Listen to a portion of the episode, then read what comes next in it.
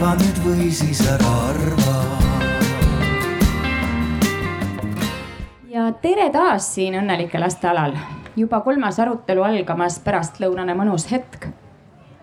teemaks lapsed ja sõda see teema on meie alal täna tänu ühele kooliõpilasele, kes selle tõstatas ja Sotsiaalkindlustusameti laste heaolu osakond selle üles korjas ja, ja aruteluks vormis. lapsed ja sõda. Minu kogemus isiklikult selle teemaga tuleb jälle lapsepõlvest, kui meil koolis oli kirjandi teema vist, kui vanaema jutustas. Aga minu vanemad olid äh, selles vanuses, et minu ema jutustas toona siis äh, teise maailmasõja eest põgenemisest, kuidas nad auto vabandust, hobuvankriga eh, lapsepõlvetalust siis eemale sõitsid ja mina ei kujuta täna ette, kuidas nendeni siis mõned kümned kilomeetrid kodutalust eemal jõudis info, et nüüd võib koju tagasi pöörduda, et on turvaline. vaevalt mu ema toona lapsena ka teadis, et kuivkäimla ukse sees olev auk on mürsukillust ja, ja et need kiivrid, mis me veel omas lapsepõlves leidsime talupõldudelt, olid sakslaste omad. aga täna kuulame siis natukene teise sõja tuules valminud teemast ja mõtteid nii, nii noortelt kui täiskasvanutelt, lapsed ja sõda. tere ka minu poolt, mina olen Tanel. ja ma püüan siis seda vestlust siin modereerida nii hästi, kui ma, kui ma oskan, sest see on eh, emotsionaalselt võrdlemisi laetud teema, et eh, eks igat ühte mõjutab see Ukraina sõja teema erinevalt ja raputas meie kõikide maailma siis veebruari lõpus, kui see uudis äh, läbi erinevate kanalite meieni jõudis. ja meil on siin väga mitmekülgne, mitmetahuline paneel äh,. alates Elizabethist, kes on äsja kümneaastaseks saanud siis ma tutvustan pärast pikemalt kõiki ka, kui ma neile esimese küsimuse esitan. siis on meil Kaja, meil on Rute, Triinu ja Marju minu kõrval ja ilma, tegelikult ilma pikema sissejuhatuseta minu poolt, et lähme siis kohe meie arute, arutlejate juurde. esimene, esimeseks võtakski siis äh,, annakski sõna Rutele. Rute Trotšinski ja sina oled meie paneeli seas siis selle puhul, selle poolest juba väga eriline, et sa pead ennast nii eestlaseks kui ukrainlaseks. ja kui ma nüüd mõtlen, sina sa oled kuueteistaastane on ju et kui mina mõtlen tagasi enda teismeeale, siis see teismeiga juba iseenesest on juba keeruline. proovid enda kohta leida oma seltskonnas, siis maailmas üldse mõtestada, mis see maailm on, mida mina elult tahan ja nii edasi. ja nüüd siis, kui me lisame veel selle ekstra sellise kihi sinna peale selle Ukraina sõja ja kuidas see sind isiklikult veel puudutab, siis ma ei oska isegi ette kujutada, kuidas see sind mõjutanud on ja mõjutab tänaseni. ja see siit nagu küsimus olekski, et et kuidas see uudis sinuni jõudsid, kui sa nüüd meenutad tagasi seda aega ja kuidas see mõjutas sind siis ja nüüd natuke enam kui viis kuud äh, hiljem, kuidas see sinu igapäevaelu praegu mõjutab? ma mäletan väga-väga hästi, kuidas see otsus või noh, see jõudis minuni, see oli siis kaks, kahekümne neljas veebruar. ma olin just äh, sõbra peol ja hommikul ma näen, et isa on mulle helistanud kakskümmend korda ja ma siis helistan talle tagasi ja küsin, et mis toimub, et tavaliselt ikkagi nii palju ei helistata. siis ütlebki, et Rutte, et miks sa kodus ei ole, et kas sa tead, mis juhtunud on? ja siis ma ütlesin, et ei, ma ei tea, et ma ei ole sotsiaalmeediat ega üldse uudiseid jälginud. siis ta ütleski, et Rutte, et sõda on alanud. ja see oli küll hetk, kus äh, minul jooksis täitsa pilt kokku ja ma olin lihtsalt šokiseisundis, ma arvan, ikka paar minutit lihtsalt istusin ja mõtlesin, aga mis nüüd sest et me ju kogu aeg teadsime, et meie sugulased on Ukrainas ja alates kaks tuhat neliteist on sõda kestnud ja kogu aeg sa ikkagi muretsed ja eh, no ta oli nii passiivne, et eh, sul oli see nagu kukla taga, aga sa ei mõtelnud sellele kogu aeg. ja nüüd oligi see hetk, kus nagu kõik jooksis kokku, siis said aru, et okei okay,, nüüd läks nagu suureks sõjaks lahti. ja peale seda hakkas meil hästi palju kontserte toimuma, nii et sa olid kogu aeg nagu tegevust, eh, tegevuses.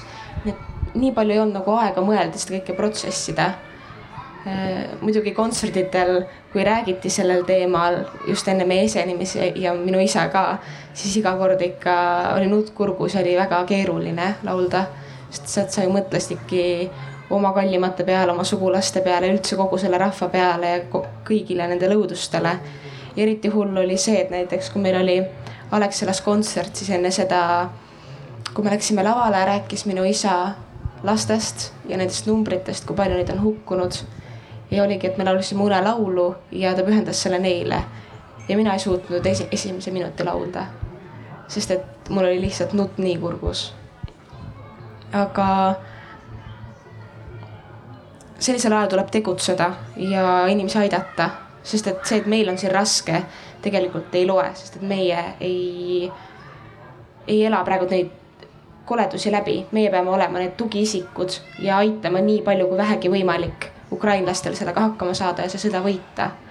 ja sellepärast me tegime hästi palju kontserte siiamaani ja seda, seda ei tohi unustada, seda teemat ja see ei tohi nagu muutuda igapäevaseks või kuidagi Eh, arusaadavaks, et ta nojah, et seal on sõda, et see peab kogu aeg olema üleval, sellega tuleb tegeleda. aitäh, liiguks siit eh, kohe Elizabethi juurde. sina oled Lõuna-Eesti tüdruk, äsja kümneaastaseks saanud ja äkki, äkki sa alustad samamoodi, et mismoodi sinuni see uudis jõudis ja mis mõtteid sinus see tekitas siis ja, ja kui palju see tänapäeval üldse sind, sind mõjutab praegu praegu äh, mul äh, see, meil oli koolivaheaeg äh, ja äh, oli Eesti Vabariigi sünnipäev ja siis uudis oli ka, et sõda hakkas ja see oli päris õudne. ma olin šokis ka ja oli noh, selline tunne oli noh, õudne. aga tänasel päeval praegu, kui palju sellele teemale mõtled, kas üldse tahad mõelda? praegusel hetkel ma ei ole veel eriti mõelnud sellele, aga, aga no ma ikka vahepeal mõtlen. Et muidu mm,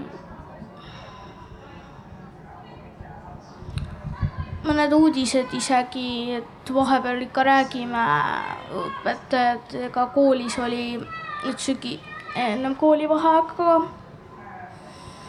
et äh, no eri, ma eriti nagu mm, ei mõtle sellest, äh, see on ikka õudne teema. täiesti arusaadav. ja kui nüüd kooliõpilastest rääkisime, siis pöörduks järgmisena Triinu juurde. Triinu on ise koolipsühholoog siinsamas Paides äh,. Hillar Hansoo põhikoolis ja kevadel lisaks sellele, et sa siis aitasid Eesti kooliõpilasi kogu selle asja, Eesti enda kooli, kooliõpilasi selle asjaga siis nagu toime tulla või mõtestada seda olukorda, siis teie kool.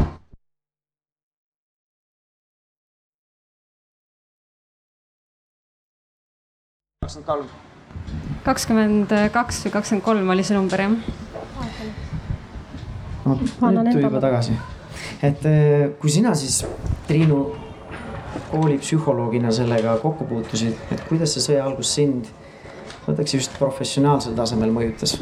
et toetada õpe, õpilasi, nii Eesti kui Ukraina õpilasi ja, ja siis teine pool küsimustes, küsimusest ka, et milliste emotsioonidega sa nüüd uuele õppeaastale vastu lähed, kui, kui sa nüüd juba natukene tead, saad võib-olla ette valmistuda eh, selleks, mis ees ootab eks see kooliaasta lõpp oli jah, selline päris intensiivne, et ähm, et tegelikult ka Covid oli endiselt teema, siis algas sõda. et ähm, siis hakkasid järjest õpilased tulema, aga ma ise tunnen, et me koolina saime nagu ikkagi sellise meeskonnatööna hästi hakkama, et õpetajad olid hästi paindlikud. koos õpilastega tuli meile ka üks Ukraina õpetaja Äh, kellest oli väga palju abi ja meil käisid ka lap, vabatahtlikud lapsevanemad äh, abis siis äh, nii-öelda eesti keelt õpetamas või mingeid muid aineid siis, kes, kes nagu vene keelt oskasid. Ja, ja selles mõttes see olukord oli nagu hull ja, ja kuidagi teadmatus oli pidevalt, aga samas jooksvalt ikkagi kuidagi kogu aeg saime hakkama ja, ja isiklikult veel minul nagu koolipsühholoogide ühingust on ka väga palju äh, tuge äh, olnud, et äh, sealt ähm, tuleb pidevalt siis meililisti sellist abistavat ja, ja head infomaterjali. Ja, ja kuu aega pärast sõja algust äh, avati juba ukrainakeelne tugiliin, et kuhu sai siis ka perekondi suunata, et kahjuks ma ise nagu vene keelt äh, väga hästi ei oska. Ja siis ütleme, ma saingi kas siis edasi suunata või noh, või, siis aidata õpetajaid ja, ja mõelda koos nagu neid lahendusi välja. ja uuele õppeaastale vastu, eks ikkagi endiselt on selles mõttes natuke teadmatus hetkel äh, ma ei tea seda numbrit, et äh, palju on õpilasi juurde tulnud. Mm, aga, aga ma usun, et, et kui on nagu selline avatud äh, suhtlus, kõik jagavad muresid, rõõme, et, et kuidagi, eks kindlasti kool ootab nagu toetust omavalitsuselt ja riigilt ja nii edasi, et aga, aga arvan, et peame ju kuidagi hakkama saama, et ikkagi lapsi toetada ja aidata neil haridusteed jätkata absoluutselt. Ja kui nüüd numbritest rääkida, siis meil praeguseks on äh, lastest Eestisse tulnud siis kolmteist tuhat seitsesada Ukraina last. ja et lihtsalt perspektiivi panna kõikidele kuulajatele, siis äh, statistikaameti järgi sündis kahekümne esimesel aastal, eelmisel aastal Eestis äh, kolmteist tuhat last, et meil on nagu nii-öelda üks aastakäik lapsi juures siin poole aastaga tekkinud loomulikult nad ei ole kõik äsja sündinud, nad on väikelapsed, beebid kuni teismelisteni välja. aga selle, sellegipoolest märgata nii-öelda arvestatav number. ja kui vaadata nüüd äh, paljudest neist, äh, paljud nendest koolides õpingut jätkavad siin Eestis, siis see number on praeguse seisuga natuke alla viie tuhande. Äh, millega siis puutuvad kokku kõik meie kooliõpilased ja, ja seda enam on oluline see, et kuidas me aitame oma lastel ja noortel suhestuda selle sõja teemaga et ise mõista, mis maailmas toimub, kuidas iseenda emotsionaalse vaimse tervisega hakkama saada ja kuidas toeks olla nendele, kes seda tuge võib-olla veel rohkem vajavad. ja siin pöördukski nüüd eh, Kaja poole, Kaja Lind, sina oled lasteabi telefoninõustaja. ja ehk siis sa igapäevaselt nõustad ja aitad eh, lapsi ja ka nende vanemaid. ja kuidas kuidas see nüüd selle sõja algusega sinu tööd mõjutas, et kui palju need teemad ja need murekohad, millega pöörduti sinu poole, muutusid? ja kui nüüd võtta just selle sõja konteksti, siis mis need kõige suuremad murekohad olid, millega lapsed ja noored lasteabi telefoni poole pöördusid? jah, et äh, nii nagu, ma ei tea, kas kostab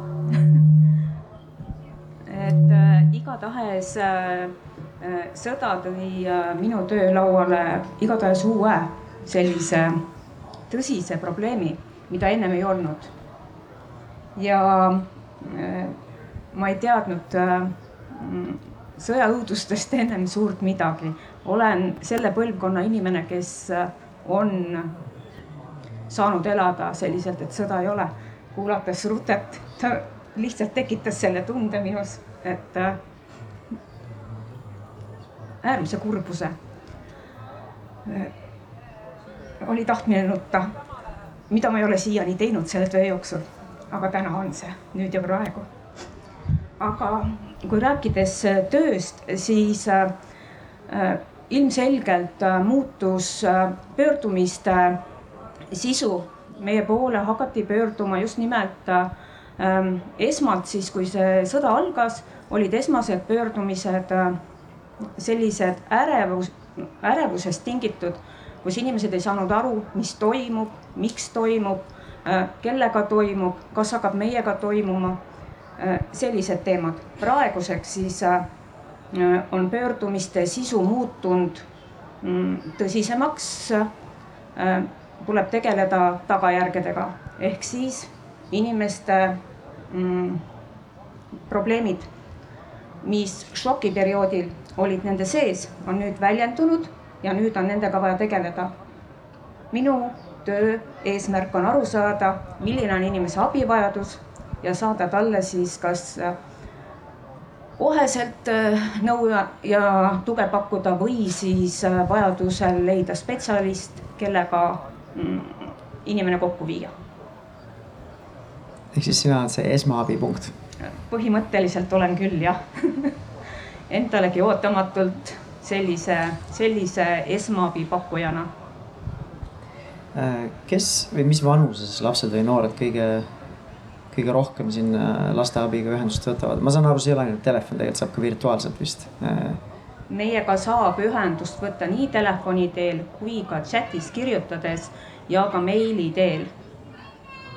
et kolm võimalust on meiega ühendust saada ja need on võimalused, kuidas me saa-, noh, kuidas inimene saab meiega ühendust, aga meie saame omalt poolt pakkuda veel e-nõustajat telefoni teel, kui me näeme, äh, et pöörduja äh, seisund on selline, mis äh, ei saa selle meie esmase kriisinõustamisega siis lahendatud või võib tekkida olukord, kus tal see mm, probleem veel tõuseb pinnale et see on meie nägemus, arvamus ja sellisel juhul me pakume ka inimesele võimalust äh, saada äh, e-nõustamist äh, siis telefoni teel ja e-nõustaja siis saab omakorda juba teha tähelepanekud, kas inimene vajab siis tõsisemat spetsialisti sekkumist, näiteks terapeudi. ja meie e-nõustajad on ka terapeudi taustaga, nii et igati, igati hea võimalus. aitäh sulle ja rääkides, rääkides terapeutidest, jõuame Marjuni, minu kõrval Marju Kirt. tere. ja sina töötad Sotsiaalkindlustusametis äh, mitmedimensioonilise pereteraapia terapeudina. ja õige, ma ei tea, kas mind on kuulda. kõigepealt alusta sellest, mis see mitmedimensiooniline pereteraapia on ja mille võrra see erineb siis tavalisest äh, pereteraapiast nii lühidalt, kui sa oskad. mitmedimensionaalne pereteraapia on siis mõeldud ähm, teismelistele vanuses kaksteist kuni kaheksateist eluaastat, kes on siis sellised ähm, alaealised õigusrikkujad või siis, ähm, kes tarvitavad äh, mõnuaineid ja see on justkui võimalus pool aastat osaleda koos perega programmis ja seljatada oma probleemid.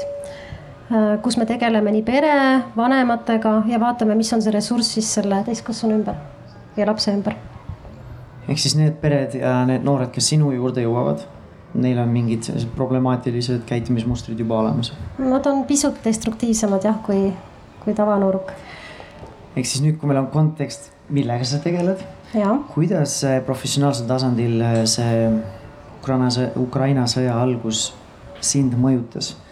Äh, ja, ja kui palju see siis, kui palju sa täna lähe otseselt või kaudselt selle Ukraina sõja teemaga kokku puutud oma, oma töös? olles Sotsiaalkindlustusametis äh, vene keelt kõnelev terapeut, andsin ma enda nõusoleku, et äh, kriisisituatsioonides ma olen valmis aitama. ja kahekümne neljandal veebruaril, kui kogu see õudus algas, äh, juhtuski nii, et kõik spetsialistid, kes kõnelesid vene keelt, andsid, olid nõus andma oma nõusoleku, et abistama, olid siiski rakkes Äh, mis see siis tähendas meie jaoks, esmast psühholoogilist äh, kriisiabi osutamist, mis, äh, mis eelkõige tähendab inimese ärakuulamist, pere vastuvõttu ja enamasti õige info jagamist. et see on see, mida, mida need ukrainlased, kes siia saabusid, kõige enam vajasid. siis sealt edasi läks kaardistamiseks, kellel missugused, et kus on see komorbiidsus selle situatsiooniga, et missugust abi nad veel vajaksid kas kellelgi oli jäänud ravi pooleli, kas ähm, nad on näinud ähm, või kuulnud ähm, midagi sellist, mis on avaldanud mõju psühholoogiliselt enam kui tavanõustamine seda saaks pakkuda, siis niimoodi edasijuhtimine spetsialistide poole. ja kui suur, suur osa sinu tööst siis oli nende sõjapõgenike toetamine ja aitamine? Me kaardistasime ära need pered, kes äh, vajasid äh, psühholoogilist äh, nõustamist ja otsisime venekeelseid spetsialiste, kes olid siis valmis võtma vabatahtlikkuse aluses, alusel esialgu enda juurde nad vastuvõtule. et ähm, see oligi eelkõige selline koostöö koordinaatoritega märkamine ja siis juba edasi suunamine. väga hea ja lähme nüüd siis rohkem orgaanilisema arutelu juurde. üks põhjus, miks ma ise olin valmis seda arutelu, arutelus siin kaasa lööma, on see, et töötades ise lapsevanematega igapäevaselt, siis ja mul on endal kodus võrdlemisi väikesed lapsed, kellega ma ei hakka arutama nii-öelda neid sõjakoledusi detailselt. Nad on nelja, viie ja seitsmeaastased. aga see teema imbub vaikselt meie laste igapäevaellu nii või teisi, teisiti. ei ole, kui vanad või noored nad on ja, ja siis lapsevanemate poolt olen kuulnud väga palju seisukohti, eriti just nooremate laste vanematelt, et nagu kas üldse rääkida. et siis täna me tahakski ülejäänud arutelu ajal rääkida sellest, et kas rääkida millal rääkida, kui palju rääkida, kuidas rääkida, kuidas noori ja lapsi toetada kõikide nende muredega, mis see, see teema võib üles kergitada. kas teadmatusest või siis võib-olla liiga palju teadmisest ja nii edasi. Me juba kuulsime Rutelt ja Elizabethilt nende esmaseid reaktsioone ja, ja tundeid ja mõtteid. aga teekski siis üldise küsimuse paiskaks siia, et siis kas üldse laste ja noortega rääkida ja, ja siis vaatame, kuhu see viib, et kes tahab otsa lahti teha? ma võin teha. nii, Rute. Ma arvan, et kindlasti tuleks rääkida, sest et äh, lapsed saavad nagunii ju õhkkonnast ka aru, kui midagi on valesti. ja see on nii tähtis, et ka lapsed teaksid, et äh, maailm ei ole muinasjutt, et siin on ka kahjuks kurjust, et selle kurjuse vastu tuleb võidelda. et me peame kõik koos, kui me kõik koos väed ühendaksime, siis me saaksime kurjusest jagu. ja sellest peavad lapsed aru saama, sest et lapsed on ju meie uus põlvkond. Aga ma arvan seda, et lapsed ei tohi liiga palju ja liiga detailselt neid sõjakoledusi teada, sest ma enda pealt tundsin, et kui seda informatsiooni, neid detaile tuli korraga liiga palju, siis sa ei tahtnud enam sellel teemal nagu tegutseda või mõelda. sest sul tekib selline plokk ette, sest sa saad aru, et kui katki on maailm ja kui kui õudseid tegusid on üks inimene võimeline tegema, tegema. ja, ja sul kaob nagu kuidagi usk inimestesse ära, seda ei tohi juhtuda. Ja sellepärast on vaja lastel ikkagi natukene ilustada, Mart, seda asja või kuidagi võib-olla natukene muinasjutulisemalt rääkida, kui see päriselt, päriselt on. no just väiksemate puhul. et kui laps juba jõuab sinna kaksteist kuni neliteist ikka, siis juba võib, ma arvan, et üpriski otse rääkida nii, Kaja ja Marju tahtsid kohe sõna võtta, teeme siis Kaja kõigepealt ja siis tuleme Marju juurde. Äh, tahtsingi öelda, et aitäh, Rutte, taaskord. Äh, sa ütlesid meile vastuse ette ju tegelikult, et äh, siin ei ole kahtlustki, vähemalt see on ka minu isiklik arvamus, et kas, kas rääkida ja loomulikult rääkida lastega. iseasi on see, mida rääkida, nii nagu ka Rutte välja tõi. et pigem on küsimus selles, kuidas Äh, mis vanuses lapsega rääkida, kui palju rääkida, mil moel rääkida, et pigem on küsimus selles, ma arvan. ja mina lisaksin siia juurde.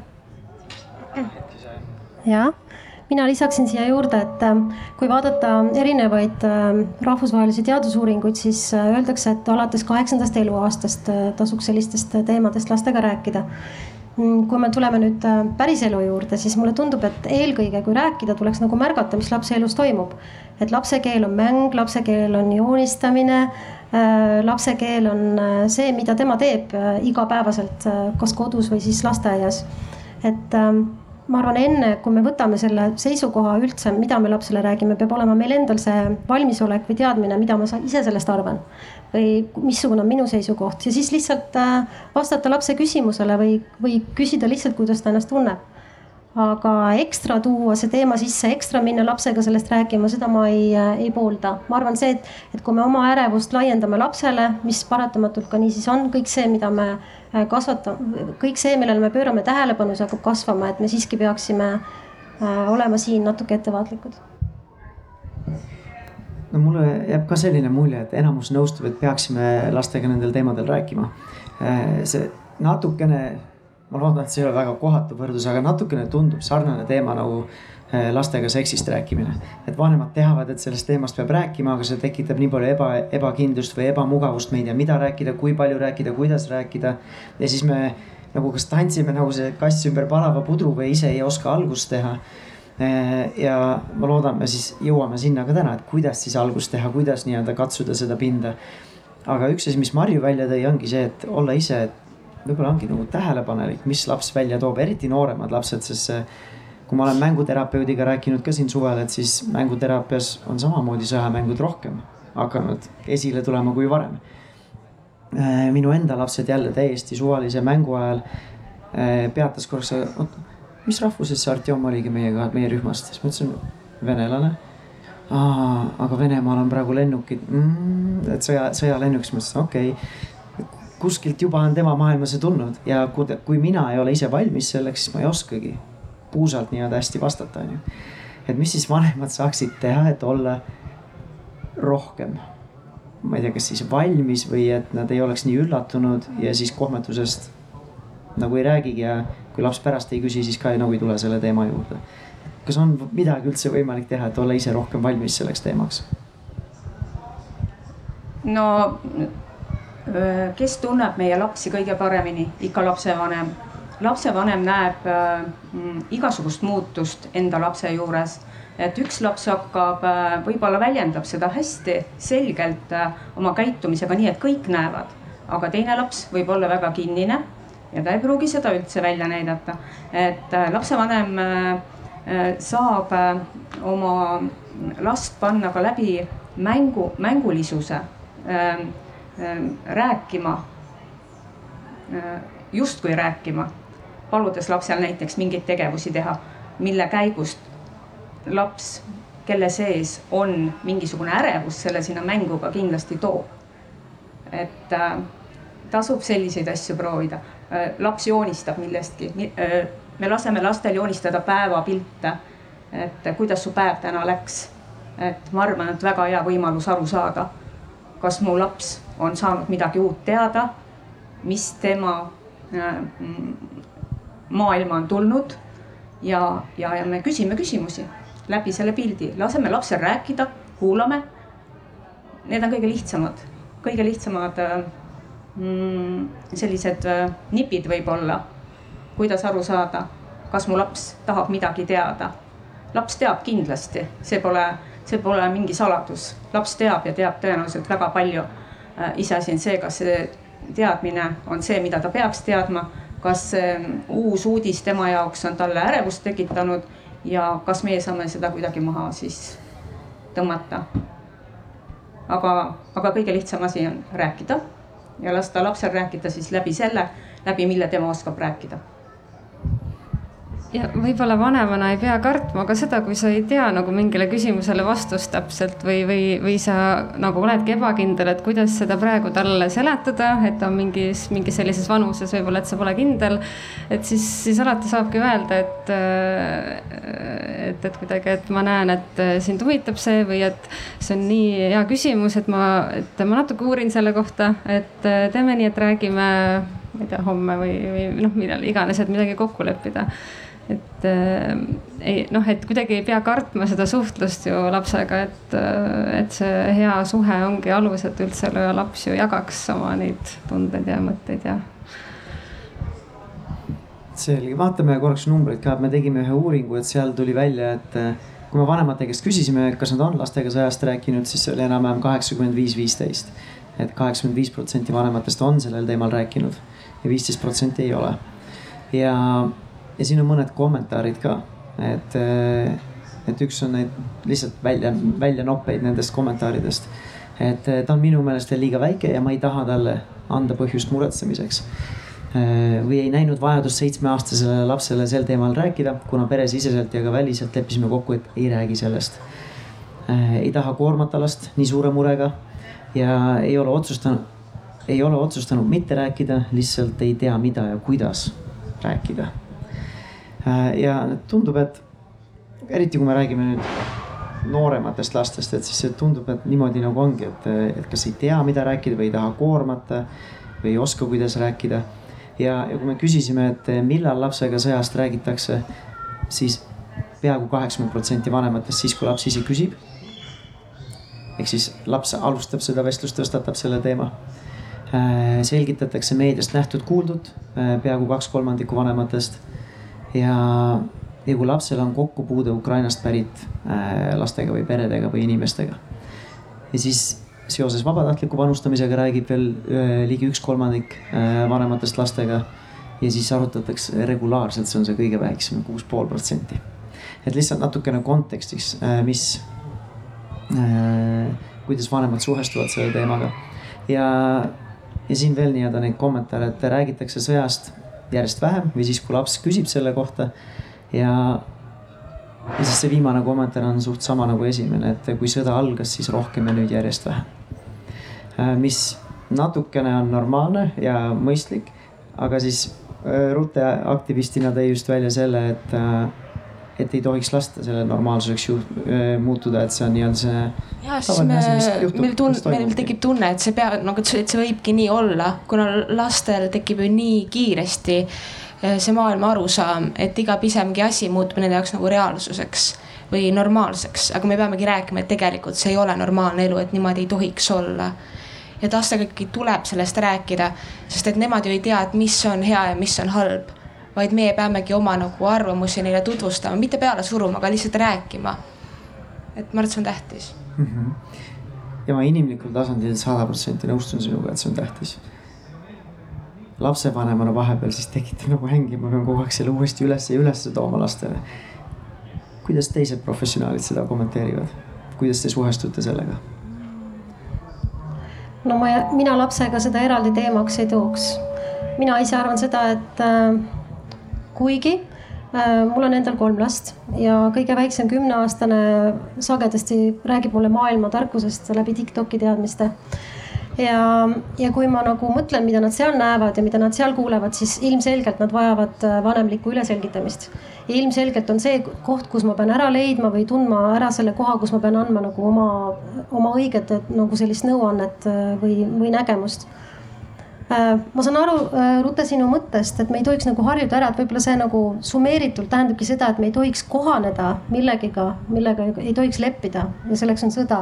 selleks on kellegi vägivaldne äh, ebaõiglane käitumine teise inimese või teise rahvuse kodumaa suhtes samal ajal ja see hirmutabki kõige rohkem, et inimene on väga suur kohaneja ja üks hetk, kui see on väga suur uudis, äh, siis me järjest vähem ja vähem võib-olla sellest räägime.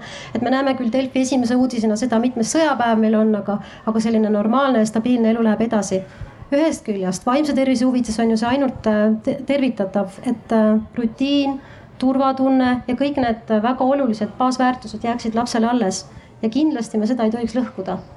aga see koht, kus me peame seda meelde tuletama, see koht, kus me peaksime oma seisukohti äh, rohkem välja ütlema, need on võib-olla need vanemad teismelised.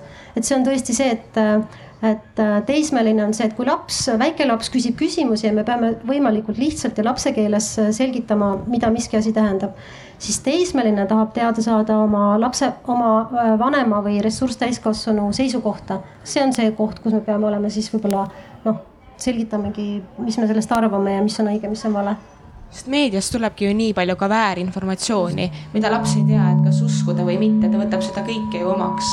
ja seepärast peabki lapsevanem rääkima, et mis tegelikult on.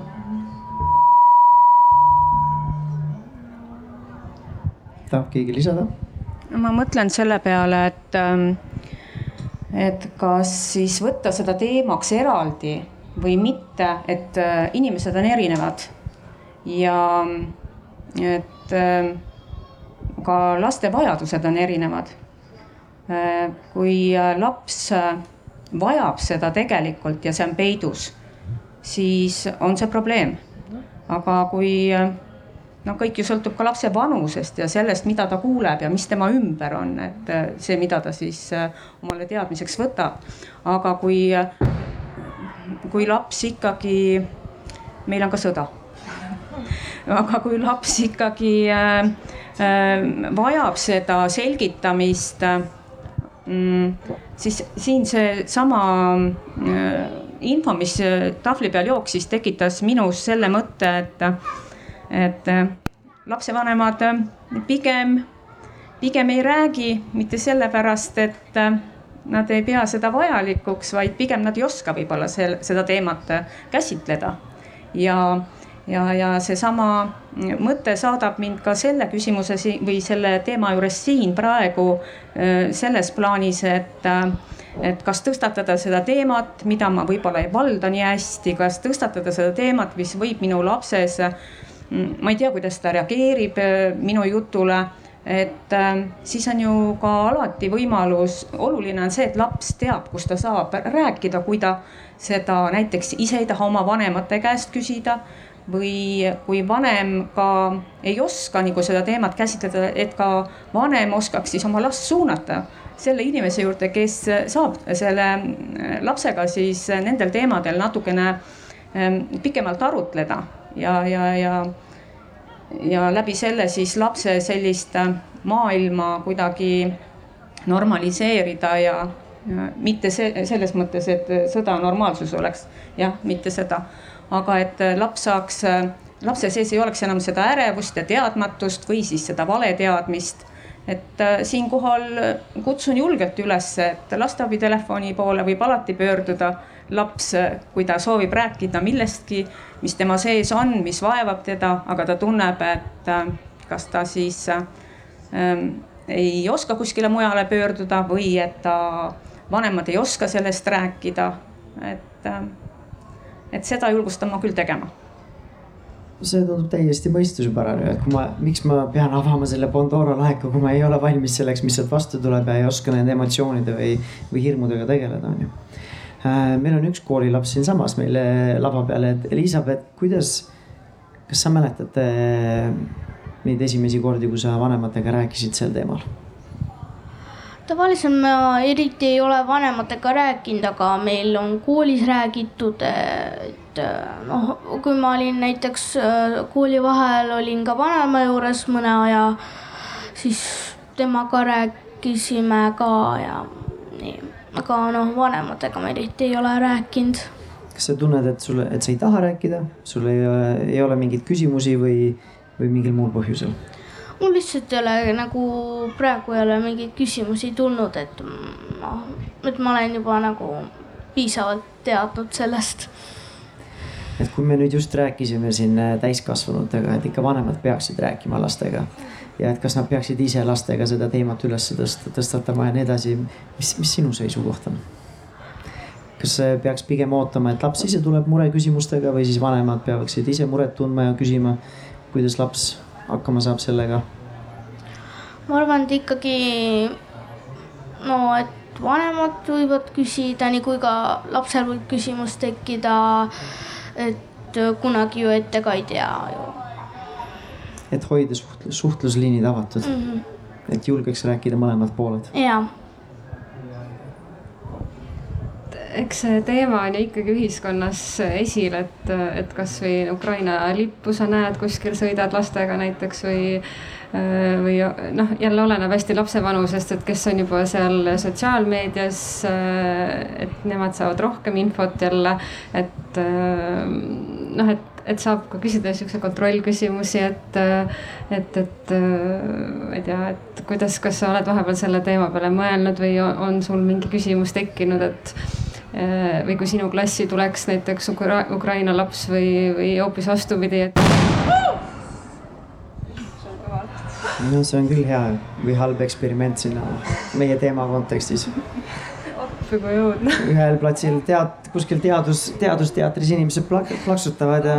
aga ma tahan siinkohal öelda kohe, et äh, see on hästi hea näide. on mind kuulda jah? Et äh, igas kriisis on varjatud ressurss ja vaadake nüüd, kui selline asi juhtus praegu, et käis üks kõva mürakas. ja mis, kust tuleb hirm? hirm tuleb teadmatusest. ja see tähendabki seda, et, äh, et, äh, et kõige suurem küsimus üldse selle sõja teemal nii lastel kui ka täiskasvanutel ongi hirm ja teadmatus. et siis just need küsimused ongi need, mida, millele me peame leidma vastuse kõigepealt enda sees ja siis edastame ka need lastele, nii et see oli praegu väga hea näide. ma tean, näen, et publikust keegi läks kontrollima, mis juhtus. jah, ei saa. nii teoorias väga lihtne, et teadmatust põhjustab hirmu no kus ma siis tean, mis lapsele hirmu tekitab, et peab siis ma ei tea, olete te enda praktikas kokku puutunud, mis need kõige levinumad hirmud on? et ma mäletan, kui Kaja alguses ütles, et mis on täiesti loogiline, et ongi, et kas see tuleb ka Eestisse sest isegi kui lapsed ise ei ole sõda kogenud Eesti pinnal, me oleme ajalooõpikutest lugenud, me oleme vanavanematelt kuulnud lugusid. ja usume või ei usu, siis nii-öelda geneetilises mälus mingi selline tunnetus sõja kohta on ikkagi olemas või geneetiline mälu on ju. et, äh, et kui alguses olid need, et kas on Eestis, Eestisse võib ka tulla, kuidas see meid isiklikult mõjutab ja nii edasi. aga mis need kõige levinumad hirmud siis on? või see teadmatuse koht, mis lapsi võib siis vaevata nii, keegi, meil on publikust, keegi tahab midagi öelda? mina võin lapsevanemana öelda küll, mis küsimused lastel olid.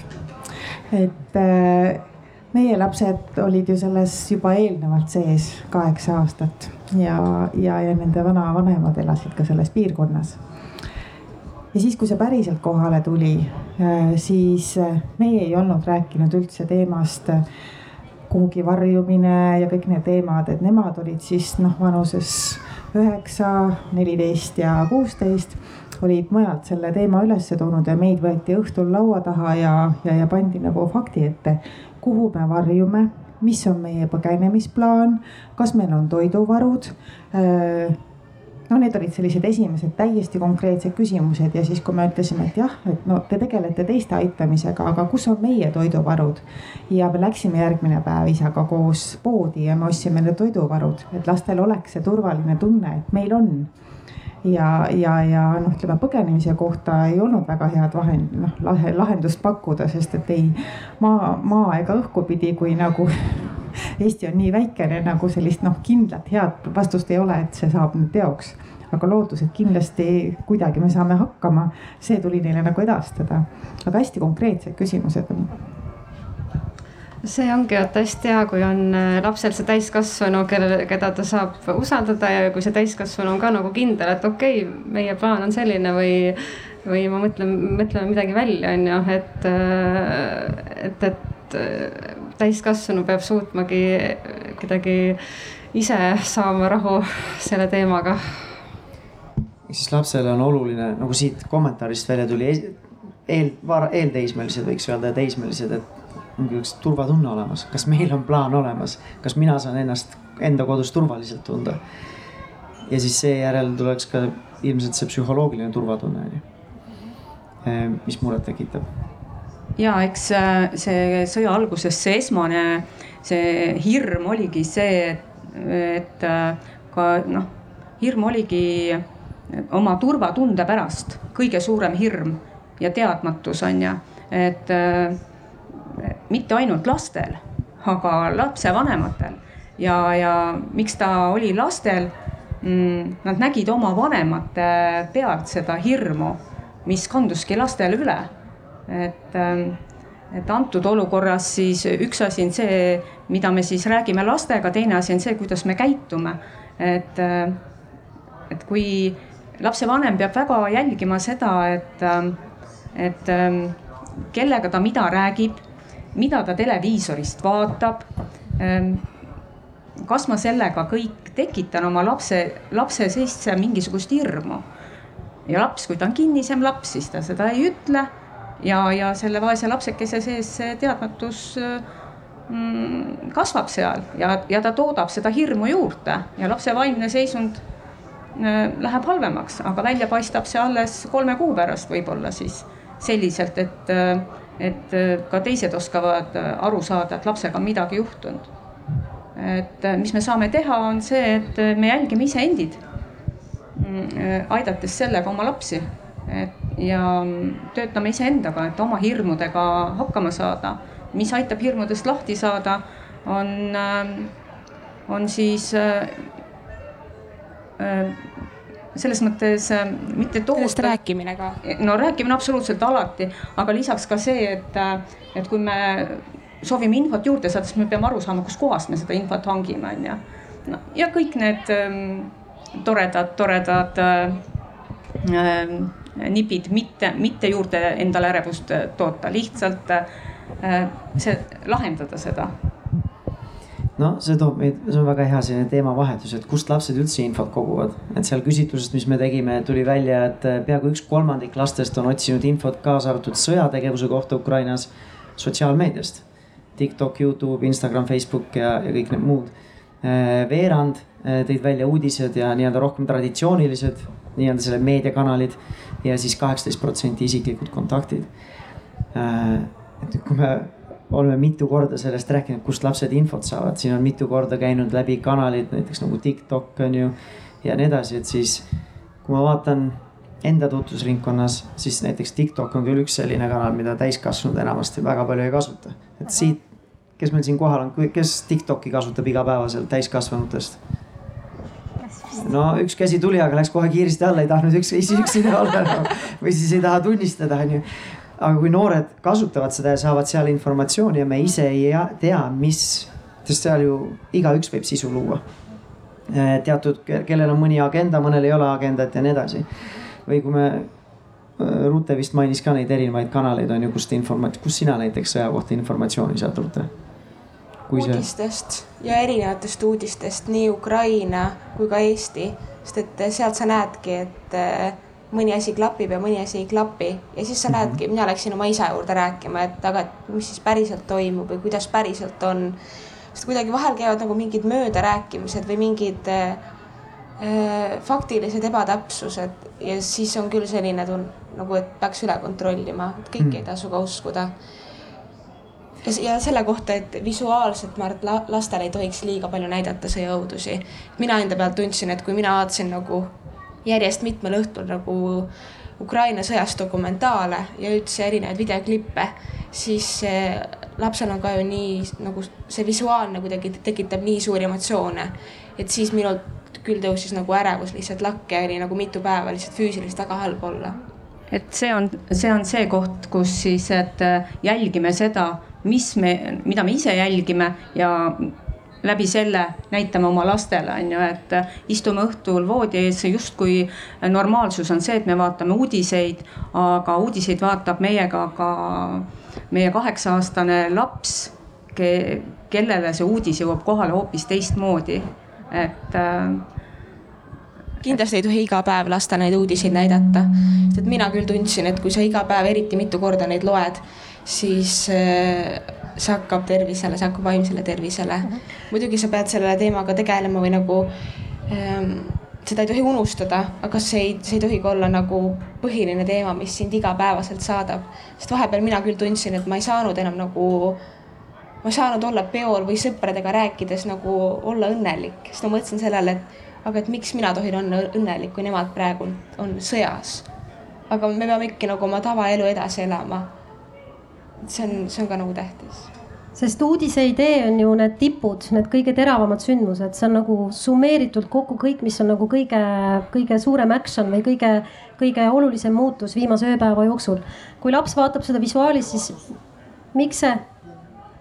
tuleb jälle. miks see mõjub, ongi see jah, miks see mõjub, ongi see, et et visuaalis, kui laps vaatab seda, siis see on justkui hästi lähedal, et aju töötleb seda niimoodi vahetult nagu väga lähedale sinule endale.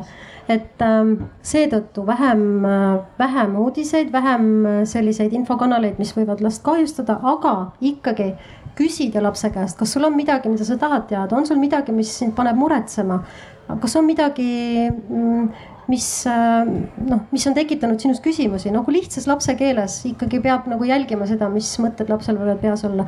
ma olen äh, individuaalteraapias olen tähele pannud seda, et, et kui ma ka olen küsinud seda laste käest, siis alati mingisuguse sellise üllatava vastuse või mingi koha, mis vajab äh, vanemlikku sekkumist, selle ikka leiab. et kas see võib olla kasvõi see, et laps on hakanud püüdma kehvemalt toituda, näiteks ütleb, et ma proovin süüa riisi ketšupiga, sellepärast et võib-olla mul üks hetk pole süüa siis mõtled, et, äh, et näe, laps ei olegi nagu, ta on oma peas selle läbi protsessinud, kogu selle sõjateema ja juba justkui valmistab ette. see ongi see koht, kus lapsevanem peaks rääkima, peaks teda rahustama ja sellise turvatunde nagu lapsele tagasi andma eks see info ammutamine, see on selline suur, suur küsimus ju, kuidas sa reguleerid ja kus infoväljas lapsed on, et Elizabeth, sina oled meil täna see noorema generatsiooni esindaja, esindaja siin ja kümneaastasena sina me, sina, sinult ei oodatagi, et sina aitad ühiskonda mingeid suuri muutusi tuua. aga kui me vaatame lihtsalt neid infokanaleid kümneaastasena, ma tean, et sul on ema ka siin, et ma ei tea, kas sa tahad rääkida, mis sotsiaalmeediakanaleid sa kasutad, aga aga, aga kus sina, millistes sotsiaalmeediakanalites äh, nii-öelda siis liikled või mida sa kasutad? Äh, tavaliselt mul on, vaatan Youtube'i, aga seal neid sõjauudiseid eriti ei ole, aga nagu vahepeal, kui on uudised, siis vahepeal tuleb, et me eriti uudiseid ei vaata ka, et meil on, no meil ei ole eriti tihti ka tele, telekas ka tööl, et siis ei vaata ka. et ei pea liigselt pead vaevama, kui, kui ei soovi no ikka vahepeal meil töötab telekas, et äh, ikka tuleb neid uudiseid ja noh, nii. sest miks ma küsin, on see, et sagedasti seal sotsiaalmeediakanalitest me ise ei saa ju kontrollida, mis meie uudistevoogu tuleb. ja erinevad kanalid töötavad erinevalt, aga niipea kui, nii palju, kui mina saan aru Tiktokist, ma sada protsenti ka võib-olla ei valda seda. et siis seal nagu ei ole üldse kontrolli, mis sulle sinna tuleb, et sa võid sattuda asjade otsa, mis võivad olla traumeerivad. Ma ka ei ole kõige suurem Tiktoki fänn, ma ennem kätt ei tõusnud, ma tõstnud, aga ma oleks olnud siis see teine või või ainukene, kes tõstab, aga ma tean nii palju tast, et, et kui sa vaatad mingit teemat, siis see teema hakkab seal liikuma sulle ette. ehk siis, et äh, lapsevanem ikkagi sedavõrd palju saab, pagan sedavõrd palju saab ikkagi äh, seda last kontrollida, et äh, et need väiksemad lapsed ikkagi, et sa selja tagant vähemalt äh, näed, mis uudised need või mis videod tal enamjaolt seal jooksevad. et nendega ta siis ka tihedamini mm, töötab. ehk niimoodi saab ikka, lapsevanem peab ka nutikas olema. meil on siin üks küsimus või kommentaar. ja tere kõigile. tahaks nagu teha väike kommentaar. Kõik me praegu kuulame ja, ja näeme, mis nagu seal nagu toimub.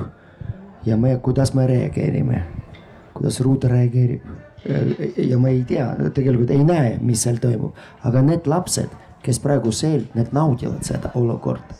Ja see tähendab, kui visuaalne need vaatavad kuskil ekraanil ja ei tea reaalset ohtu, mida see tähendab, seda pauk ja me ei seleta neile.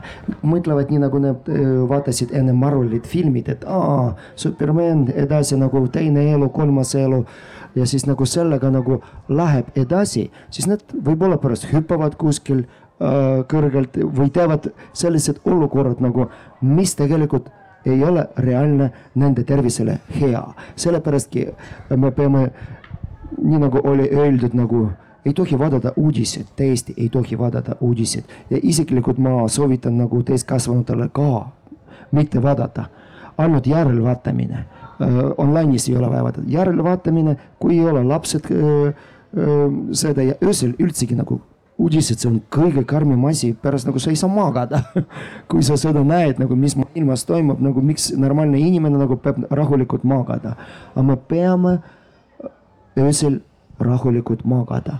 Ja uudiseid üldsegi peabki vaatama nagu kuskil keset päeva, rahulikult ükshaaval, mida sa suudad võtta seal ja et see ei hävita sinu elukvaliteeti sellised asjad. Ja siis sa suudad pärast öelda oma lastele, oma inimestele, kes vajavad äh, õige informatsioon, kes nagu äh,, me vajame äh, tegelikult praegu rohkem helgus, loodus äh,, kus me leiame selles looduses jõudu elada ja ehitada seda maailm koos, mis nagu on paratamatu muutus ja muutusteel ja me peame oskama seda ehitada.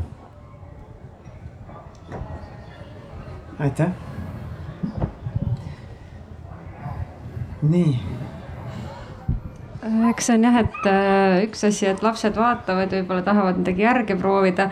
samas äh, ju noh, mängitakse nii palju igasuguseid arvuti videomänge, et äh, võib-olla ei, lapsed vaatavad näiteks seal Tiktokist neid videosid, mis Ukrainas toimub, nad võib-olla ei adugi, et see on nagu päris elu ja päris inimesed. ja kui keegi nagu ei seleta ka neile seda, siis vaatavadki, et hoopis mingi lahe või ma, ma ei kujuta ette, on ju.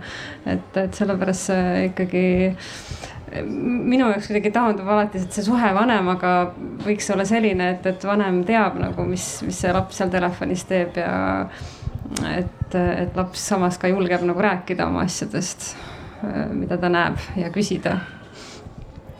ja, ja vanematel ka alati julgustan, et noh, koolis on tugispetsialistid, koolipsühholoog, sotsiaalpedagoog Äh, siis äh, ongi lasteabitelefon on tegelikult internetis tarkvanem.ee, et, et äh, nii palju noh, tegelikult on infot, mida saab nagu lugeda ja, ja minu arust võiks nagu noh, ei tasu nagu häbeneda, kui on mingisugune mure või mingisugune mõte, et kas see on ikka okei okay või kuidas on okei okay,, et äh, alati nagu keegi, ma arvan, ükski spetsialist ei ütle kunagi, et issand, et sihukese murega tulite et, et kõik nagu alati Äh, tahavad aidata või saavadki edasi suunata või saabki selle ärevuse maha võtta, et see ongi okei okay,, et sellest pole midagi. See on äh, tegelikult hästi huvitav, et me tegelikult Marjuga ennem ju äh, rääkisime sellis-, sellisest asjast nagu internet ja sellest, et äh, et internetti ei ole võimalik siit maailmast enam ära lõigata. ta on meie osa, sellega tuleb leppida, aga mida me saame lastevanematena teha, on ju see, et me saame suunata või juhtida oma lapsi äh, teatud kanalitesse Äh, õpetada, anda lastele näiteks ähm, mingisuguseid ülesandeid, mida nad siis äh, saavad telefonis teha ja, ja kus siis nad, laps nagu saab selle kasuliku, et praegu meil lihtsalt on lapsel see telefon käes ja ta ise otsustab, mida ta teeb seal. selles mõttes ta leiab ise, loomulikult ta nagunii jäävad olema need mängud ja, ja kõik muud toredad kohad, kus nad käivad, aga õppida ka, õpetada ka lapsele seda, et kuidas sealt kasulikku infot saada. Ja et et võtta endale ka vastutus selle eest, et oma last suunata õigetele lehekülgedele et, et siis võib-olla on, siis on ka see internetis olemine ka kasulik. et ei, ei, kui me ei õpeta lapsi, siis ei ole ka võimalust, et see laps neid võimalusi kasutaks. kui me talle anname mingisugused äh, mõtted ja, ja suunad kätte, siis on võimalus, et see laps äh, vähemalt mõned korrad ikka kasutab seda. kui talle muidugi ei sobi, eks ta siis teeb oma otsused jällegi ise nii et eh, tundub, et meil on vähemalt praegu konsensus, et peaks eh, lastega rääkima nendel teemadel. Äh, ja vanemad ise võiksid olla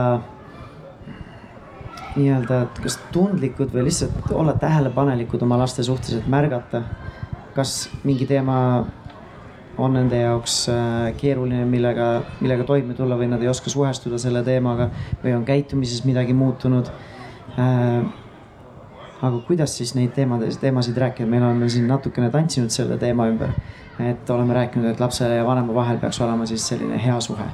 Aga noh, sõda algas ja võib-olla kui me ei ole varem tõsistest teemadest üldse rääkinud, et, et kuidas, kuidas neid teemasid ise siis näiteks avada, mida küsida või, või kuidas siis nagu läheneda nendele teemadele, kui sa näed, et mingi murekoht ikkagi on et kas see on siis nii-öelda normaalne asi, mis käitumisega muutub, on ju, noh teismelised vahepeal käituvadki hullumeelselt, on ju.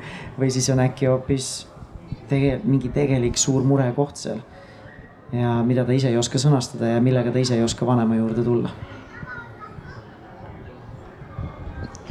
No kõik sõltub ju lapse küsimusest, et siin pole ju sellist ühest vastust, et kuidas ma lapsega räägin, et mul on mingi manual ees, et kuidas ma rääkima hakkan aga noh, kui ta ei tulegi ise selle küsimusega, sa näed, et midagi küsidki, nagu vaevab. kas on midagi, no palju räägitakse, kindlasti sa oled tähele pannud näiteks sellise kaheteistaastasega või kümneaastasega, et sa oled kindlasti tähele pannud, et, et äh, sa oled kindlasti tähele pannud, et seda Ukraina sõja teemat on hästi palju ümber, et on sul ka mingisuguseid küsimusi, mis sa tahad selles, selles suhtes küsida või mis sa mõtled või et kuidas sa tunned ennast seoses sellega, niimoodi saabki küsida. kas sa tead, mida tähendab sõda?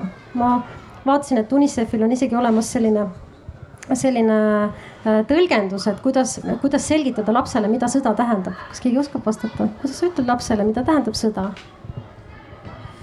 ellujäämine ellujäämine, see tähendab seda, et sõda tavaliselt on riikide vahel või inimeste vahel. et üks, nad sõdivad või, või siis kaklevad sellepärast, et kes hakkab juhtima. Kes on siis tugevam. võttes ära selle territooriumi maavarad.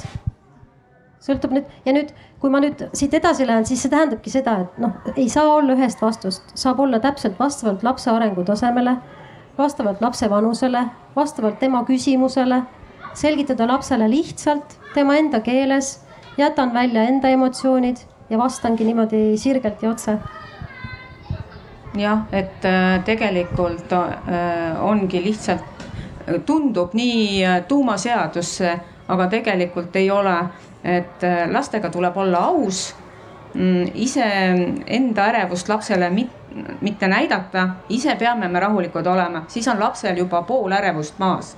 Kui me oleme ise ärevad, siis tekitab see lapses juurde ärevust. see, mida sa saad lisaks kõigele sellele, mida Marju ütles, teha, on see, et sa võtad aja enda lapse jaoks õhtul. Ähm, ja kui sa aus vestlus, aitab alati, aga on olukordi, kus siis äh, äh, nagu meil välja on tulnud, iga vanem ei oska ei oska seda äh, läbi vestluse teha, siis on tal võimalus endiselt lapsega mängida mingit mängu, joonistada pilte. Ähm, kõik sellised lihtsad asjad. Ma ütlen selle juba teist korda täna tegelikult, ma täiesti tajun seda, kuidas ma kordan ennast, aga see ongi see, et äh, mitte, mitte midagi uutmoodi ei ole vaja teha. Tegelikult on olemas võluvahendid, muinasjutud ja laulud, kus räägitakse sõjast, sõdimisest, ellujäämisest, vaprusest. Ja läbi selle saab lastega, kes ei ole veel võib-olla teismelised, isegi ka teismelised, Sangari lugudest, nendest, nende kaudu saab ka rääkida. Ja väga hea tähelepanek, ehk siis, kui ma seda laiendan, siis mulle tundub nii, et äh, kõik, iga inimene oskab ju midagi. Et äh, kes oskab laulda, kes oskab tantsida, kes oskab rääkida, kes oskab joonistada, kes oskab äh, muinasjuttu kirjutada või lihtsalt oma päeva kirja panna. iga tegevus on ju täiesti õige tegevus selleks, et aru saada. Äh, mis mu laps soovib mulle öelda, lihtsalt anname võib-olla mingisuguse teema. Mm, küsime lapse käest, et kas sa sooviksid täna tantsida mingi maatantsu, äh, kas vaatame, teeme koos seda, kui sa oled tantsija muidugi. ja, ja laps valib, kui tal on peas Ukraina, siis ta valib selle Ukraina lihtsalt sealt ja siis saame juba pikemalt rääkida näiteks. selge, nii et mul on tunne, et see sobib väga hästi just noorematele lastele, ma tunnen küll, et kui mul on oma last vaja avada, siis ongi anna talle pilt ette ja joonistame ja siis vaatame, mis sealt tuleb ja juba sealt saab hakata vestlus arenema, onju Äh, aga nüüd, kui me võtame teismelised. paljude vanemate jaoks see teismeline on nagu täiesti omaette liik, kelleni on väga raske jõuda noh et otse kui nagu mingi kilp, kilp ees, eriti vahepeal, vahepeal just nagu eriti enda vanemate suhtes. et kuidas siis nagu teismelisteni jõuda? ega, ega teismeline, ega kõik sõltub sellest, mil moel me oleme selle äh, müüri ladunud. et äh, kui me selle lapsega oleme tegelenud, äh, temaga rääkinud, siis teismeline laps juba arut-, arutleb päris hästi.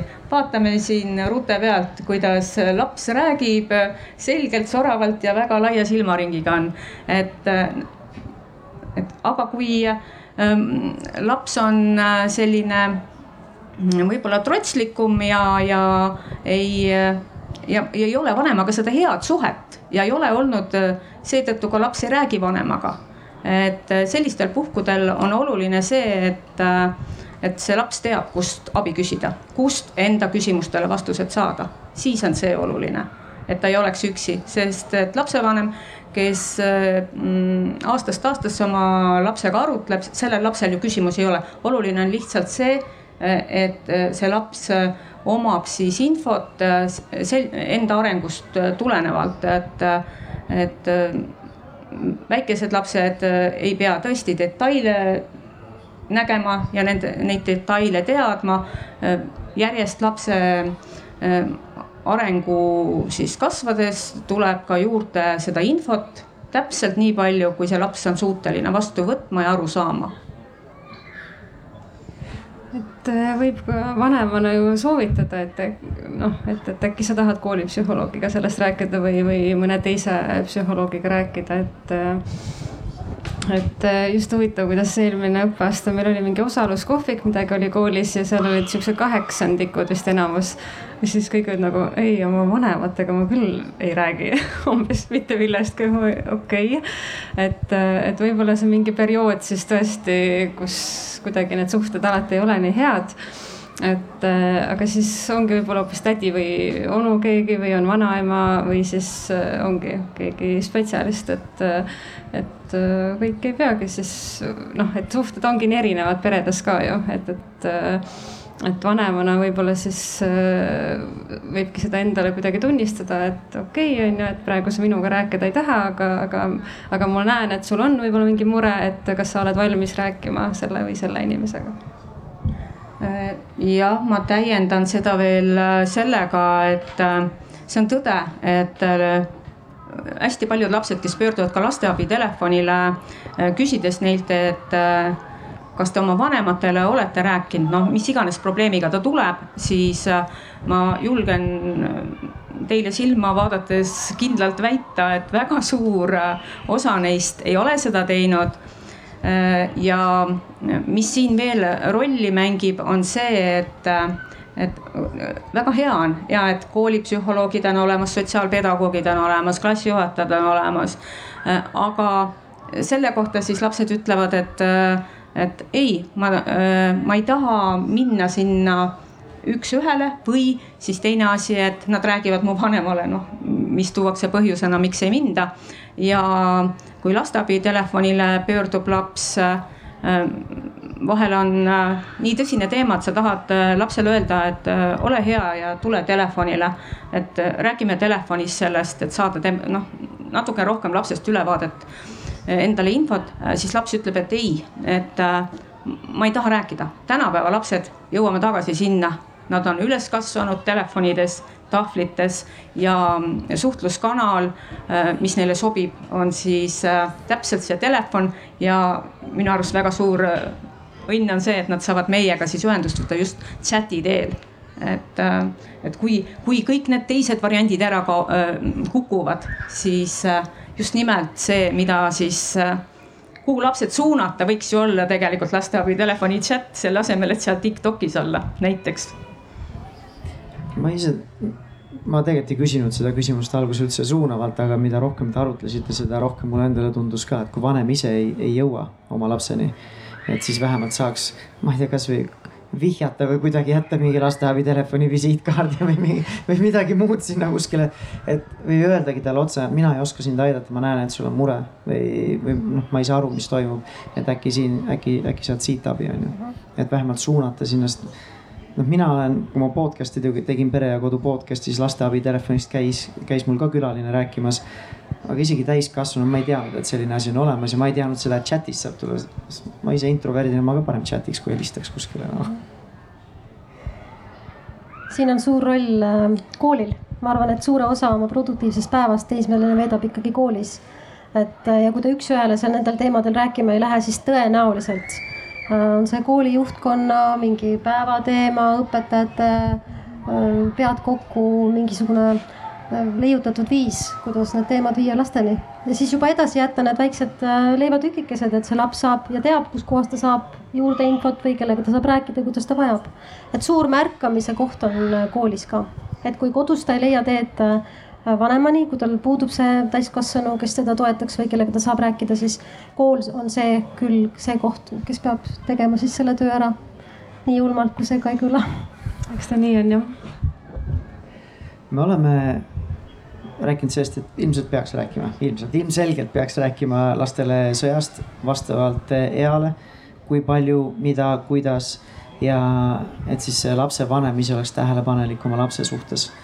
Ähm, et kas midagi on muutunud, ise kontrollima aeg-ajalt, avama neid teemasid, et kas tal on mingeid muresid, küsimusi, millele tal ei ole vastuseid äh, ja nii edasi. ja siis meil on käinud paar korda siin läbi nii siit lava pealt kui ka publiku kaudu see teema, et kuidas iseennast hoida et, et me tahaksime, et ühe, ühelt poolt olekski, tahaks olla informeeritud. teiselt poolt sellesama motiiviga on nagu seotud see ka, et ei taha olla ignorantne. et eh, noh, suva, mis seal toimub, on ju, tahaks ikkagi kasvõi emotsionaalselt või ma ei tea, vaimselt olla toeks ja toetada eh, inimesi, kes, kes kannatavad aga siis teiselt poolt on see, et kui jälle liiga ära uppuda selle infosse või minna liiga sügavale, siis siis võib enda vaimne tervis ja vaim, vaimne tervis kannatada ja kui vanemana see juba kannatab, siis sealt tuleb allapidi ka ülejäänud perele onju. et äh, võtaks selle viimasena just selle enesehoiu ja enese sellise vaimse tervise kogu selle sõja temaatikaga. Äh, et, et kas teil on mingeid häid näpunäiteid professionaalina, aga ka isiklikult mõned näpunäited, kuidas te enda seda vaimset tervist äh, hoiate ja enesehoole eest hoolitsete selles kontekstis ja siis, kui näiteks lapsevanematele ka, et kuidas siis hoolitseda lapse äh, vaimse tervise eest või noore? Ehm, jah, et äh, iga päev seda tööd tehes äh, loomulikult tuleb vahepeal peeglisse vaadata ja, ja mõelda, et, et ega ma endale liiga ei ole teinud või tegemas, et see, see, mida soovitada saab ja see, mida ma ise ka teen, on see, et kui mul on võimalus ja hetk, siis tõesti ma sõjafilme ei vaata ma ei loe neid sõjauudiseid nii palju enam. alguses loomulikult teda tuli lihtsalt nii palju peale ja see oli hirmutav ja tuligi saada aru, et mis toimub. Aga ei pea neid endale juurde nagu võtma niimoodi, et, et, et ainult see mõte peas on. minna loodusesse, teha sporti, kõik absoluutselt need enese Ähm, hoiunipid, mm, mis olid enne sõda äh, Ukrainas, peaksid kanduma meie igapäevaellu ka praegu lihtsalt. Ähm, me peame ise mm, ennast natuke rohkem võib-olla vaeva nägema iseendaga, et, äh, et alla suruda seda suurt soovi Äh, selle sõja sees nii tugevalt olla, et, et, et ta ei kerkiks nii ülesse. et äh, tegeleme oma hobidega, käime looduses, nii nagu Ruta ütles. Ruta on väga tark tüdruk, ütles, et ta oli palju tegevuses ma korra mõtlesin, et võib-olla liiga, liiga ruttu oli liiga palju tegevuses, et jäi võib-olla mõni asi kuidagi ähm.... aga ma olen ikka väga õnnelik, et tol hetkel ma olin mhm. tegevuses, et tegevusetus sellises olukorras oleks minu jaoks palju-palju hirmsam no,. no just, et, et ma mõtlen ka, et, et peaasi, et meil on muid tegevusi, mis viivad mõtted mujale. ja ma arvan, et just lapse osas on ka väga tähtis lihtsalt võtta lapsele aega ja käiagi koos looduses, looduses mängida mänge, vaadata multikaid olla lihtsalt koos ja väga tähtis on ka füüsiline lähedus, see, et sa lihtsalt võtad lapse kaissu, lihtsalt kallistad ja räägid temaga tavaelu teemadel. see on nii tähtis, et just praegult olla nagu teineteise jaoks olemas, et mitte lasta nagu liiga palju seda kuidagi vaba aega või nagu kaugenemist. et äh, see kõlab kuidagi nii ilusasti selles mõttes, et äh, et vanemad võtavad aega, et võta, võtame siis äh, sellest koledast, äh, koledast sõjast äh, selle endale, et me oleme üksteise jaoks rohkem olemas, mida niigi meil igapäevaelus on nii vähe. ja et kui see sõda meile on andnud hästi palju negatiivset, siis äkki on see märk sellest, et sõda annab meile märku, et hoolige üksteisest olge üksteise jaoks olemas ja seda rohkem kui siiani on oldud, sest tegelikkuses ongi äh, laste ja vanemate selline koos veedetud aeg suhteliselt vähene tänapäeval ja see on nii väärtuslik ja just selle sõjaga mina sain aru, et mul on praegu nii suur privileeg, et mul on pere, mul on sõbrad, mul on rahu minu kodumaal. peamegi seda nagu võtma ja nautima ja ka teistele, et mõni on ka sellises õnnelikus õhkkonnas õnnetu, aga siis nad tuleb ka nagu tõmmata sellesse, et võttagi kaisu ja teha ka neil nagu olemise paremaks eks see lapsevanem olla ei ole ju selles mõttes üldse kerge, et äh, nagu kõik nii-öelda need õpetused või kuidas on, et sa pead leidma iseendale aega, sa pead selle paarisuhte jaoks leidma aega. sa pead lastega üks-ühele leidma veel aega, et, äh, et siis vahel tundubki see, et noh, see on lihtsalt võimatu, on ju et äh, aga, aga mingil määral noh, ikkagi ma olen sellega nõus, et, et, et natukene tuleb leida see mingi oma hobi või mingi see oma asi, mis sulle isiklikult äh, annab mingit jõudu. kui sul on paari partner on ju, et temaga koos saad sa teistmoodi sellist energiat ja, ja siis on, siis sul on rohkem seda, et sa võtadki selle lapse kaitse, sest et sa ei ole ise nagu nii-öelda tühi, onju. aga samas muidugi see perega koos olemise aeg annab jälle omamoodi energiat, et, et eks see elu ongi üks selline kuidagi õppimine, et kuidas tasakaalus olla ja, ja, ja mitte lasta siis ähm, jah, sellel ärevusel ja sellel teadmatusel äh, ütleme võimust võtta ma natuke tahan nõustuda Triinuga, et kui ma Kajat kuulsin, et siis, et tehke kõike seda, mis te enne sõda tegite, et enda pingeid maandada, siis mina igapäevaselt tegelen lapsevanemateks, väga paljud on läbipõlemise äärel, nad lihtsalt ei ole teinud neid enne. et siis, et siis seda enam, kui on veel lisaks ühiskondlikult ja isiklikus plaanis veel ekstra nii-öelda stressiallikas juures, et seda olulisemaks see muutub. aga samas mulle meeldis see teema, mis Rute siia tõi ka, et, et ole, olgugi, et see, need sõjakoledused on meie maailma tulnud, et see võiks olla ka selline meeldetuletus, et elada täiel rinnal, et samamoodi kui lugeda teise maailmasõja eh, holokausti kannatud, kannatanute nii-öelda neid kirjasid ja raamatuid, et kuidas siis osati siis ka rõõmu tunda kõikide nende koleduste keskel, mis nemad läbi elasid. et siis eh, võikski proovida kuidagi seda vaimset tervist hoida, et läbi selle ka, et eh, leida neid hetkesid, kus siis ise ka tegelikult nautida ja pöörata rohkem tähelepanu nendele asjadele, mis tegelikult elus olulised on.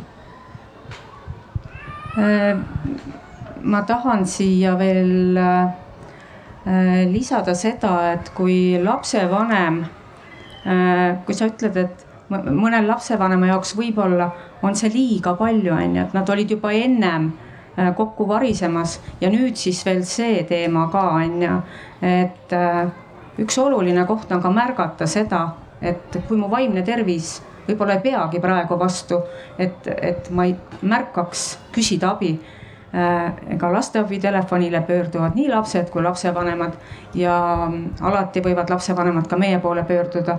et äh, kui nad tunnevad, et nad ei jõua, siis mitte hambad risti kannatada, siis, siis kannatab juba ka nende laps tegelikult. see on hea meeldetuletus, et mitte ainult lapsed, lastel pole vaja, vaid ka vanemal on ju kas keegi eh, kuulajatest tahab ka arvamust avada, kuidas iseennast hoida või mingil muul teemal, millest me siin arutlenud oleme? ma annan teile hetke aega koguda, siis kas keegi tahab veel? Triinu, kuidas sina ennast hoiad või mis soovitused on? Mina käin tantsimas. Enne oli tantsimise jutt, et äh, ei, mulle võib-olla kuidagi see tänulikkuse teema, mis tuli Rutel ka siin välja, et ähm, see on minu arust äh, et seda peaks iga päev kuidagi, noh, on ju need äh, tänulikkuse päevikud ja harjutused, et iga päev kirjuta üles kolm-viis asja, mille eest sa oled täna tänulik, et tegelikult leiab nagu igas päevas midagi et, äh, et seda ma tahaks ise ka nagu kooli rohkem ja õpilastele, et nagu, et, et kui me suuname tähelepanu positiivsele, siis äh, siis me oleme ise ka kuidagi tervemad ja, ja märkame nende rohkem häid asju ja meie suhted on paremad ja, ja siis peaks nagu elu olema ilusam ja.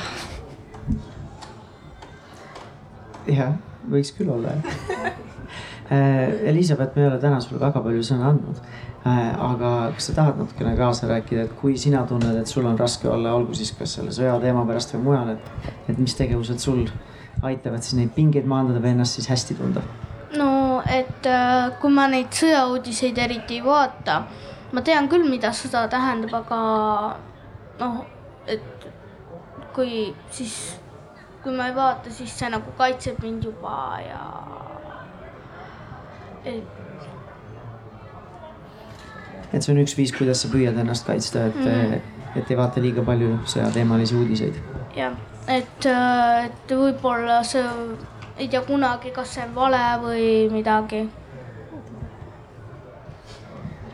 ja enne, enne kuulsime veel ühte uudist, et sul on äh, Ukrainast pärit naaber, et, et sa oled natukene teistmoodi siis kui, kui kevadel äh, selle teemaga suhestuda nüüd tuleval kooliaastal ja ta, ma ei ole nagu veel temaga kohtunud, aga no mingi päev ma ikka lähen, et siis kohtun ka temaga. et naaber ise ka ütles, et ma olen siis iga päev oodatud, iga kell ja nii väga vahva ja see on äh, samamoodi, kui meil, nagu ma alguses rääkisin, et meil on üle kolmeteist tuhande lapse äh, Eestisse tulnud. ja meil samamoodi tegelikult, kus me Tartus elame, siis äh, me elame Raadimõisa äh, elamurajoonis, kus siis see Raadimõisa hotell, mis kuulutati kohe välja, et võtab, kõik hotell tuli vist esimeste nädalatega kõik täis. ja siis põhimõtteliselt me ratastega sõidame laps, lastega sealt peaaegu igapäevaselt mööda, kus jalgratta, terve see parkimisplats on jalgrattaid täis ja, ja tõukekaid ja nii edasi et siis äh, julgustada ka noortel ja lastel nii-öelda integreeruma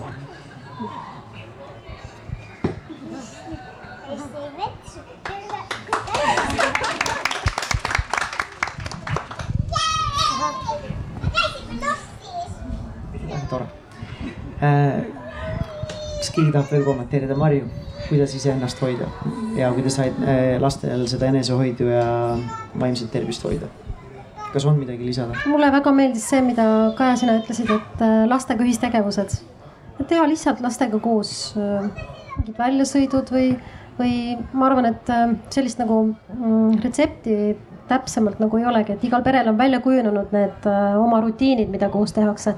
et kui on toetavad peresuhted selline akadeemiline võimekus, siis selle lapse ärevusele leitakse alati ähm,, alati mingisugune selline äh, tegevus või kompenseeriv mingisugune olukord aga, aga ise, mina ise, mina olen elupõline rohija, et ma olen, töötan aias ja toimetan aias. kui ma tahan, et äh, kui ma tahan millegi järgi mõelda, kui ma tahan oma pea tühjaks saada, siis ma lähen ja rohin. Nii et aednik, tervitan aednikke näpud mulda ja, ja. stress alla. ja tegelikult sellega, äh, mis siin välja toodi, et ühised peretegevused siis äh, ma olen mõnes foorumis äh, viimastel nädalatel siin ka rohkem aktiivsem olnud just sel samal teemal. ja, ja siis mulle torkas ka silma just teismeliste vanematelt ja kui ma nüüd iseenda teismepõlve tagasi vaatan või oma klientidele mõtlen, kellel on teismelised, siis teismeeaga nii mõnigi kord seostub see nagu maailma parandamise suur tung ja, ja seda on näha meil siin lava peal ka, kuidas Ruth on võtnud selle endale sellise aktivisti rolli, mis on igati, igati tervitatav ja teretulnud ja vahva. et, et siis need ühised tegevused, kui lapsed tahavad ja noored paljud tahavad enda panuse anda, siis võib-olla mõeldagi, kuidas me saame ühiselt panustada panustada heategevusse, panustada, kui ei ole rahaliselt panustada, siis võib-olla ajaga panustada ja, ja nii edasi, et, et saab ka võib-olla nendest tegevustest luua selliseid pereühiseid tegevusi. ma tahan öelda seda, et äh, las, just lapsevanematele, et tihtipeale ma märkan seda, et lapsevanemad ütlevad, et äh, ta ei taha minuga koos midagi teha. või et minu teismelisel on oma teemad, tal on oma sõbrad, ta teeb oma asju, et ta ei taha minuga koos midagi teha. stopp, nii ei tohi mõelda et äh, ma julgustaks või väga tahaks südame peale panna, et küsige, pakkuge välja äh,. ärge andke alla või et äh, sellist asja ei ole olemas, et nüüd ta enam ei tule või nüüd ta enam ei taha küsimus ei ole selles, küsimus on võib-olla lihtsalt mingisuguses meetodi valikus, et midagi muud teha või midagi sellist teha, mis sobib ka noorele et, äh, et kui, kui selleks on tõesti iga kevadel Jägala-Joa juurde minemine, siis võib-olla laps tahaks midagi muud teha, aga ikkagi koos teha. et, äh, et ärge siin alla andke, et kindlasti ähm, julgustan lapsevanemaid, et äh, leidke see ühisaeg, et see on äärmiselt oluline. Ja seda ei saa tagasi. Et seda mööda lastud aega, seda ei saa tagasi, et see kuidagi noh, ja sellel on nii tohutu väärtus ka meie oma äh, õnnetundele kui see kontakt lapsega nagu uuesti üles leitakse või, või, ähm, või tekivad mingisugused uued ühised mälestused või koos oldud aeg, et see on hindamatu väärtusega mina küll mäletan, kui paar aastat tagasi mul oli ka mingi hetk see, et ma väga ei tahtnud vanematega kuhugi minna. et see ongi see, et alguses sul on nagu mingi selline trots, et ei, et miks ma nagu peaks. aga tegelikult, kui sa oled seal ja nagu teed midagi nendega koos, siis see on ju nagu lõbus ja tegelikult sul on tore. aga vahel on lihtsalt see on kuidagi sa nagu ei taha seda välja näidata, aga tegelikult need lapsed on õnnelikud ja tahavad seda teha. et seepärast ma õhutan lapsevanemaid ikka, tehke asju koos ja võtke lapsed kaasa ma alati ütlen lapsevanematele seda, et kui laps läheb vihaga oma tuppa näiteks ja lööb pauguga ukse kinni, siis ega ta tegelikult ju ei taha seal üksi olla, mitte kunagi. ta tahab, et sa tuleksid talle järgi ja see on nii tähtis, et tule, sa tuleksid ja koputaksid, et kuule, et räägime ikka või et lihtsalt lähed. ja siis laps sulab ja tuleb ja räägib sinuga ja, ja siis äh, see ühistegevus, et kui me mõtleme selle sõna peale, siis see sõna ise juba ütleb, mis see tähendab. ühistegevus, ühine, koos tegemine, mitte see, et mm, me lähme lapsega kinno, vaid et me teeme temaga midagi koos. Ja kinos võib ka käia, aga iga ühistegevus ei pea olema kinos käik, et võib-olla kuidagi mõtleme mm, mis, mis need tegevused on, mida lapsega teha, et äh, siin ka tuleb äh, mõelda nii, et mis see lapse vanus on, mis see tema, mis on see tegevus, mida see laps praegu soovib teha? Et äh, väike laps, me näeme väga hästi, mis nad siin tahavad, issiga mängima minna. Ja, ja aga, aga vanemad lapsed, nad oskavad väga hästi ise öelda tõesti, mida nad tahavad, et aga lihtsalt tulebki küsida ja, ja head koostöötamist lastega, midagi muud. aga on selline vanus ka isegi kui sa küsid, aga tema ütleb äh, isegi kui tema seda tahab ja sa pakud, ei ma ei võta seda, see on kolmteist aga siis tuleb ikkagi teha. ükskõik, mis sa pakud, ei taha.